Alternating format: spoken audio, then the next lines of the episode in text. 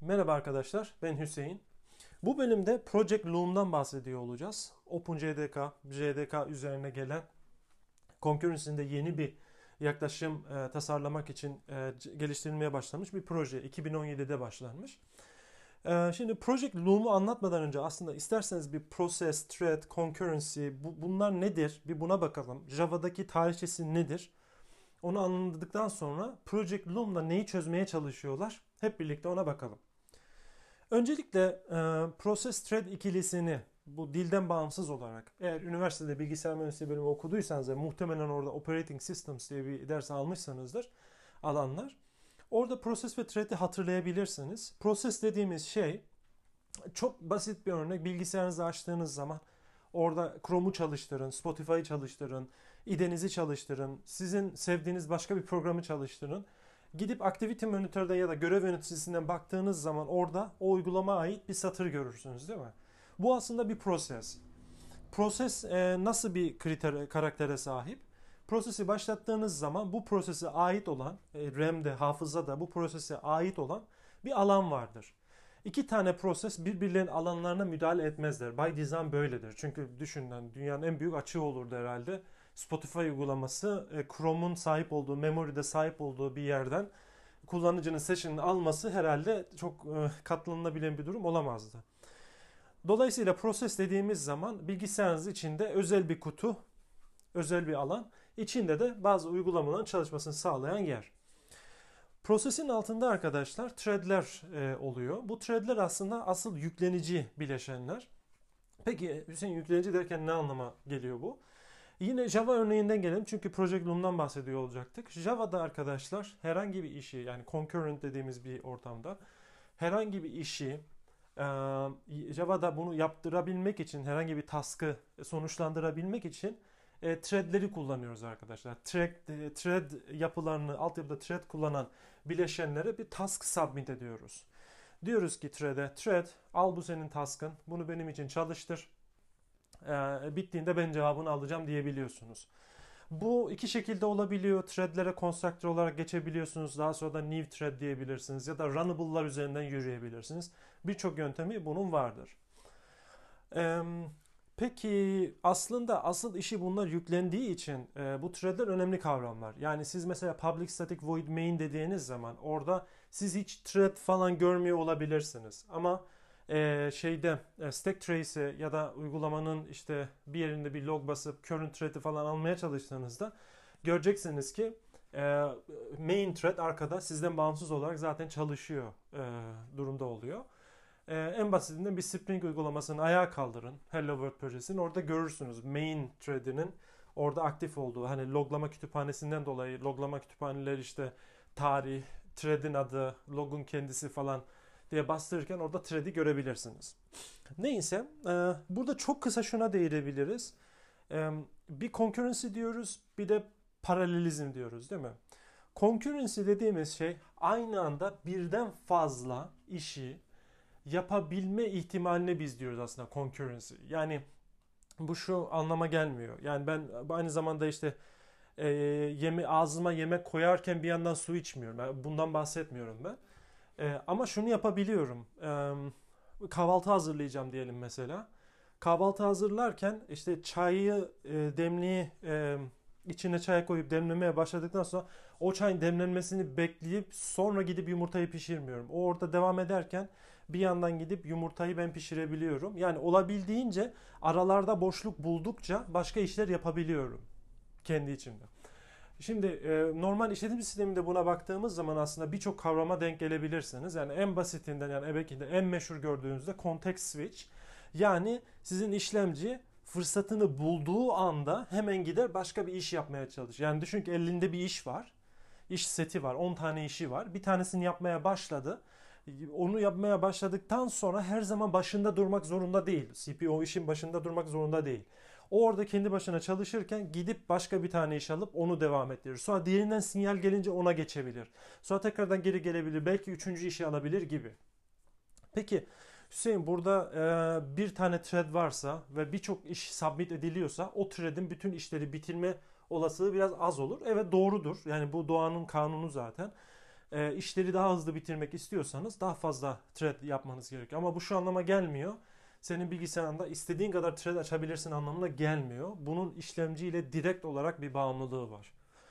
Şimdi buna tekrardan geleceğiz. Peki paralelizm neydi? Paralelizm arkadaşlar gerçekten aynı anda birden fazla işi yapma olayıdır arkadaşlar.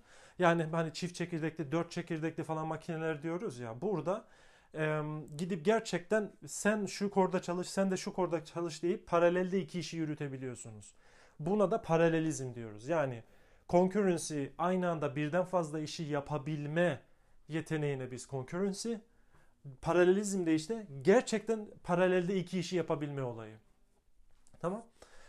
Peki concurrency'de arkadaşlar şimdi tekrardan gelelim. Yani ana yükleniciler thread'de. Thread'ler önemli. Thread'lerde um, sayısını neye göre belirliyoruz? İşletim sistemimizde arkadaşlar e, birçok formül görebilirsiniz ama en meşhur olanlarda genelde bunu anlayabilmek için şöyle bakmanız gerekiyor. Blocking factor dediğimiz bir var. Yani siz e, herhangi thread'e herhangi bir iş verdiğiniz zaman şunu yap diye e, o iş genel sistemi ne kadar bloklayabiliyor? Onun bir faktörü e, var. E, genelde de number of cores divided by bir işte one minus blocking factor diye. Mesela ben bir iş tanımlıyorum. Tamam mı? Bu yapacağım işin genelde şeydir arkadaşlar. Bir iş setini yaptırıyorsunuz ya onun bir karakteristiği var. Oradaki block, blocking faktörü biliyorsunuz diye tahmin ediyorum number of cores bölü mesela iki çekirdekli bir bilgisayarım var ya da bir çekirdekli bir bilgisayarım var diyebilirsiniz. Blocking faktör 0.5 ise bu arada blocking faktör 0 ile 1 aralığında olur. Yani olasılık gibi e, düşünün. Sıfırdan büyük işte 1'e kadar. Birden de e, küçük. Burada blocking faktör 0 ile 1 aralığında bir şeyse mesela ben bir iş e, setim var. Bu 0.5 blocking faktör. E, çekirdek sayım da 2. 2 bölü 1 eksi blocking faktör. Blocking faktör neydi? 0.5. 2 bölü 1 eksi 0.5 ne yapar? 4 yapar değil mi? Ben 4 tane thread yaratsam ideal bir şekilde çalışabilir. Yani e, bu blocking faktör neye göre değişiyor? Dediğim gibi iş karakterine göre, karakteristiğine göre buna bakmanız gerekiyor. E, mesela I.O. ile ilgili çok fazla işlem yapıyorsanız burada threadleri belki istediğiniz kadar tanımlayabilirsiniz. Çünkü direkt olarak core'a bir yükünüz yok. Ama e, compute intensif bir şey yapıyorsanız yani kafa kullanıp bir şeyleri hesaplayabilecek bir şey istiyorsanız o zaman core'lara yüklenmeniz gerekecek. Dolayısıyla direkt olarak iki çekirdeğin varsa iki thread yaratman mantıklı olacaktır. Ha 10 thread yaratamaz mısın? Yaratırsın ama e, senin için pek fazla bir şey ifade etmez. Çünkü 15 thread de yaratsan sen orada iki thread'i çalıştırabiliyorsa birim zamanda o diğerleri zaten bekleyecektir. Pek de bir anlamı yoktur yani açıkçası. Peki Hüseyin e, ben yaratayım istediğim kadar ne olacak? Yani beklesin benim için sıkıntı yok. Ama arkadaşlar şöyle bir durum var. E, bu concurrent ortamlarda ana motivasyon şudur. Ben işi iyi yapıyor muyum? Çok iyi yapabiliyorsam concurrent ortamda bu güzel bir şey. Peki bir işi iyi yaptığımı nasıl ölçüyorum ben?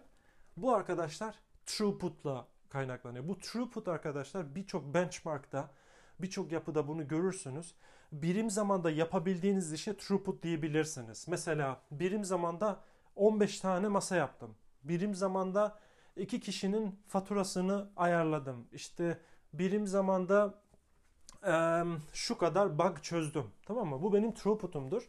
Ve bunlar e, herhangi bir sistem hakkında birçok bilgi verir. E, burada da arkadaşlar throughput ne demek? Bu concurrent sistem birim zamanda ne kadar iş yapabiliyor. Tamam mı? Şimdi siz çok iyi core e, sisteminiz var. Mesela 64 çekirdekli makineniz var. 32 çekirdekli makineniz var. Siz burada threadleri az tutup aslında çok fazla iş yapabilecekken bunu az yaptırıyorsanız throughput'unuz düşük olacaktır. Tamam mı? Concurrent sistemleri kullanmanın ana hedefi throughput'tan throughput'u iyi bir seviyeye getirmek yani çok fazla iş yapabilmek bilim zamanda. Şimdi threadler dedik. Threadlerden bahsettik. Ee, Java'da arkadaşlar Java 18'e kadar, 18'de dahil. Ee, Java operating system thread yani sıfırdan bir thread sistemi implement etmiyor Java. Zaten işletim sistemi threadleri var. Java'nın yaptığı şey bu işletim sistemi çalışan, zaten çalışan bir sistemin üzerine bir abstraction yapmak. Java'nın kendi içinde bir API'si var. Operating sistemlerini nasıl yönetebileceğini biliyor. Diyor ki bende bir iş var. Al bu task'ı bu thread'de çalıştır diyor. Operating sistemde bir tane thread onun için ayarlanıyor. Peki bunun nasıl bir bize kostu olabilir? Arkadaşlar ben aslında şimdi Project Loom'a da geçeceğiz ama Project Loom'la, Project Loom'daki bu thread yapısıyla e, şu andaki Java'daki thread yapısını biraz şeye benzetiyorum. Hani önceden biz bir serverda bir şey çalıştırıyorduk ya, bir uygulama. Daha sonra da konteyner dünyasına geçtik. Orada işte bir makinede birden fazla çalıştırabiliyoruz. Ya da pay as you go gibi de düşünebilirsiniz. Şimdi operating system threadleri arkadaşlar birim. Bir tanesini düşünün. Bu ucuz bir şey değil. Yani mesela bir baktığınız zaman e, operating sistemi thread'i yaratabilmek için sırf metadatası için falan 200 kilobayt şey pardon çok pardon arkadaşlar 2 kilobayt e, bir alana ihtiyacınız oluyor.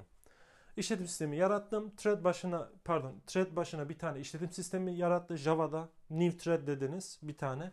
Gitti size işletim sisteminde bir thread e, ayarladı.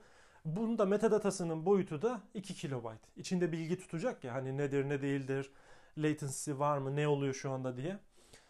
Ve e, bunun latency'si arkadaşlar e, 1 ile 10 milisaniyeye göre değişiyor. Yani 1 ile 10 milisaniye arasında bir e, şey var, latency değeri var, average latency.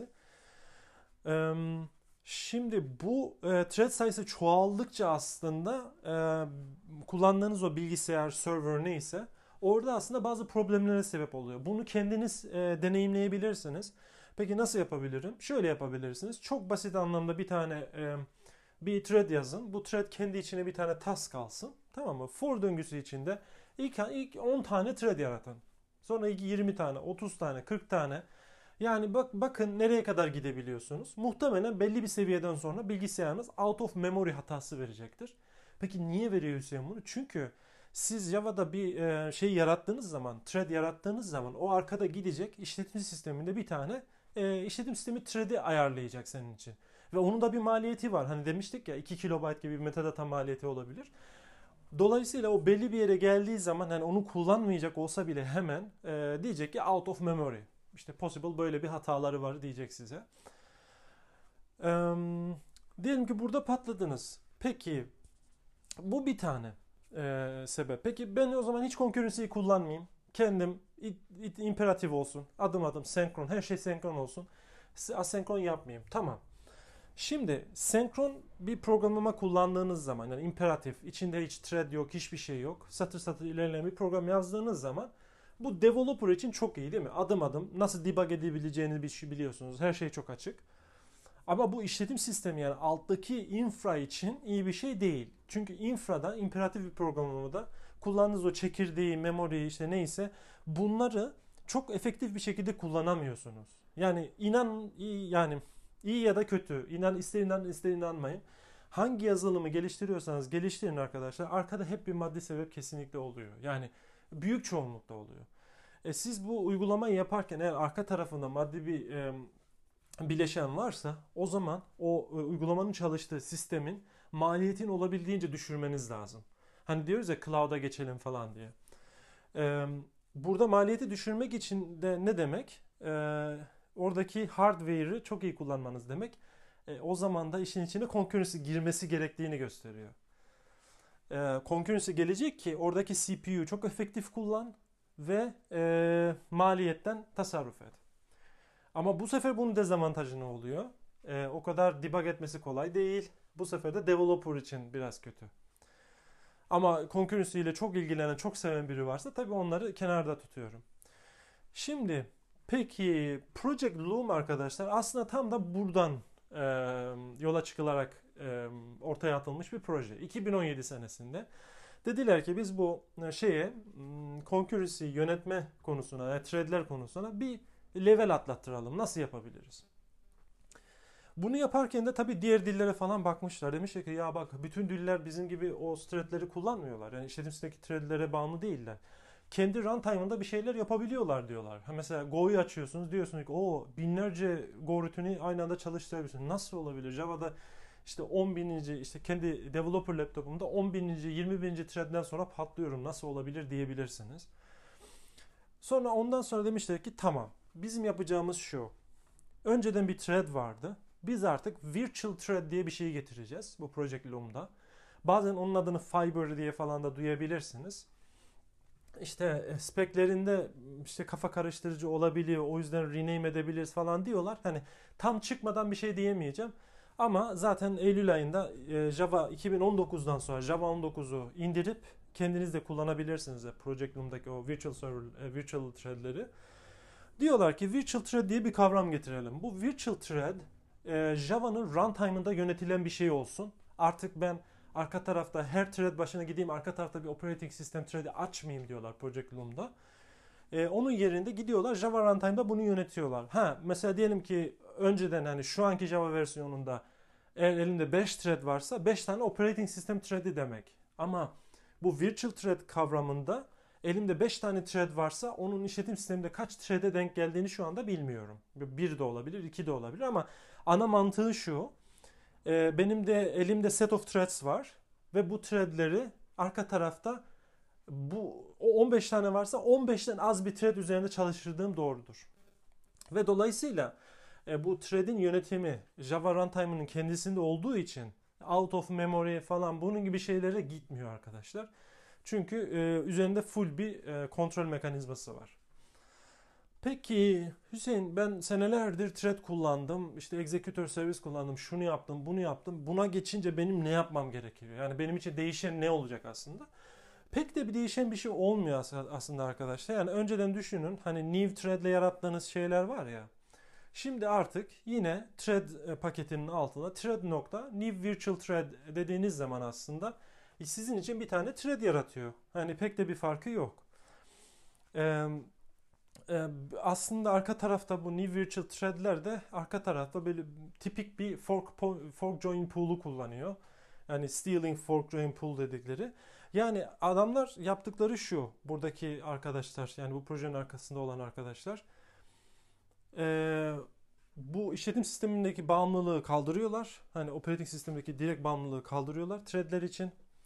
Ve üstüne de sen sadece start new virtual thread diyorsun ve arka tarafta işte fork join'lerde bilmem neydi falan filan onlarla uğraşmıyorsun. Yaptığın bu. Ha peki bu bir yerden yabancı geliyor mu? Tabii ki de gelmiyor. Bir diğer dillerin hepsinde var. Mesela Go'da e, Go rutinleri kullanırken Go diyorsun, Func diyorsun, içine yazıyorsun. Yani thread'in ayarı şu olsun, bu olsun. Yani birkaç Go'nun üzerindeki e, VM argümanları haricinde başka thread'e müdahale edebildiğin bir yer var mı? Yok. Go func deyip işine devam ediyorsun. Aynı şekilde mesela JavaScript'te yani orada tam şeyi diyemeyeceğim karşılığı ama orada da mesela async await falan var. Yani bir şunu ayarlayayım bunu ayarlayayım demiyorsun. Direkt bloğun içine kendi kodunu yazıyorsun. Diyorsun ki bu bir concurrent bloktur diyorsun kendi içinde. Java'da da aynı arkadaşlar bu kafaya ilerlemeye e, devam ettiler. Burada hedef şu. Sen önceden ne kullanıyorsan thread mi kullanıyordun? Tamam çok basit bir geçiş olsun diye new virtual thread deyip e, buradan ilerleyebiliyorsun. İçine yine kod bloğunu koyuyorsun. E, bir tanesi bu arkadaşlar. Virtual thread ya da fibers işte on, o iki kavramdan e, birine bakabilirsiniz. Bunları getiriyorlar. Şimdi kullanımla ilgili dediğim gibi JDK'nın işte JDK 19'un e, indirebiliyorsunuz. Herhangi bir dağıtımını indirin o versiyonun. Daha sonradan mesela IDEA kullanıyorsanız eğer IDEA'da işte double shift yapıp e, hani search everywhere Java compiler diye aratırsanız orada arkadaşlar additional parameter arguments diye bir yer görürsünüz. E, işte tire tire enable tire preview derseniz çünkü diğer türlü çalışmaz. Yani by default o e, project loom'u çalıştıramazsınız. E, işte tire tire enable tire preview oradan açacaksınız. Bir de mesela diyelim ki public static void main diye örnek bir şey çalıştıracaksınız çalıştırınca hani run configuration çıkıyor ya. O run configuration'da da e, VM arguments'ta additional VM arguments'ta oraya da yine dash dash enable preview diyorsunuz arkadaşlar.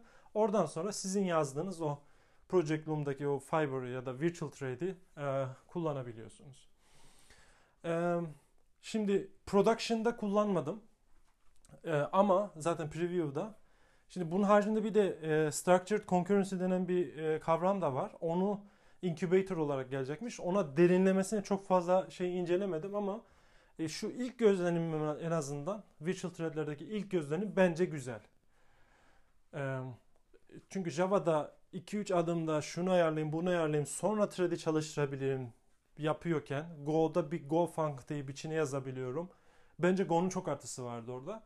Ama burada Java'da şimdi virtual thread'ler geldiği zaman iş çok basitleşiyor. Ee, bence kullanmaya değer.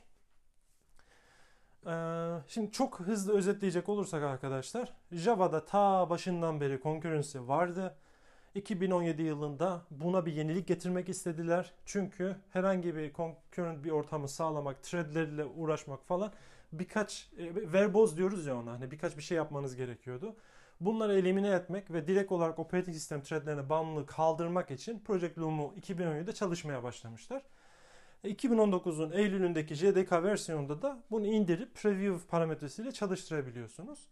Öte yandan işte bu process thread ilişkisinde de e, işletim sistemi derslerinde gördüğümüz o process thread ilişkisini de anlamanız önemli. Çünkü bu ikiliyi bilmeden concurrency ya da thread konusuna girmek biraz tehlikeli olabilir. Yani bir şeyler eksik kalabilir kafanızda.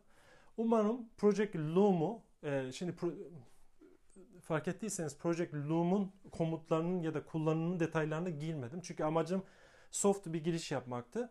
Bir buçuk ay önce çıkan bir şey üzerinde de zaten size production tecrübelerimden bahsedemem. Sadece ilk gözlenim.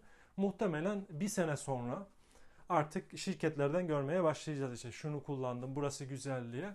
Umarım ben de production'da kullanma fırsatı bulurum.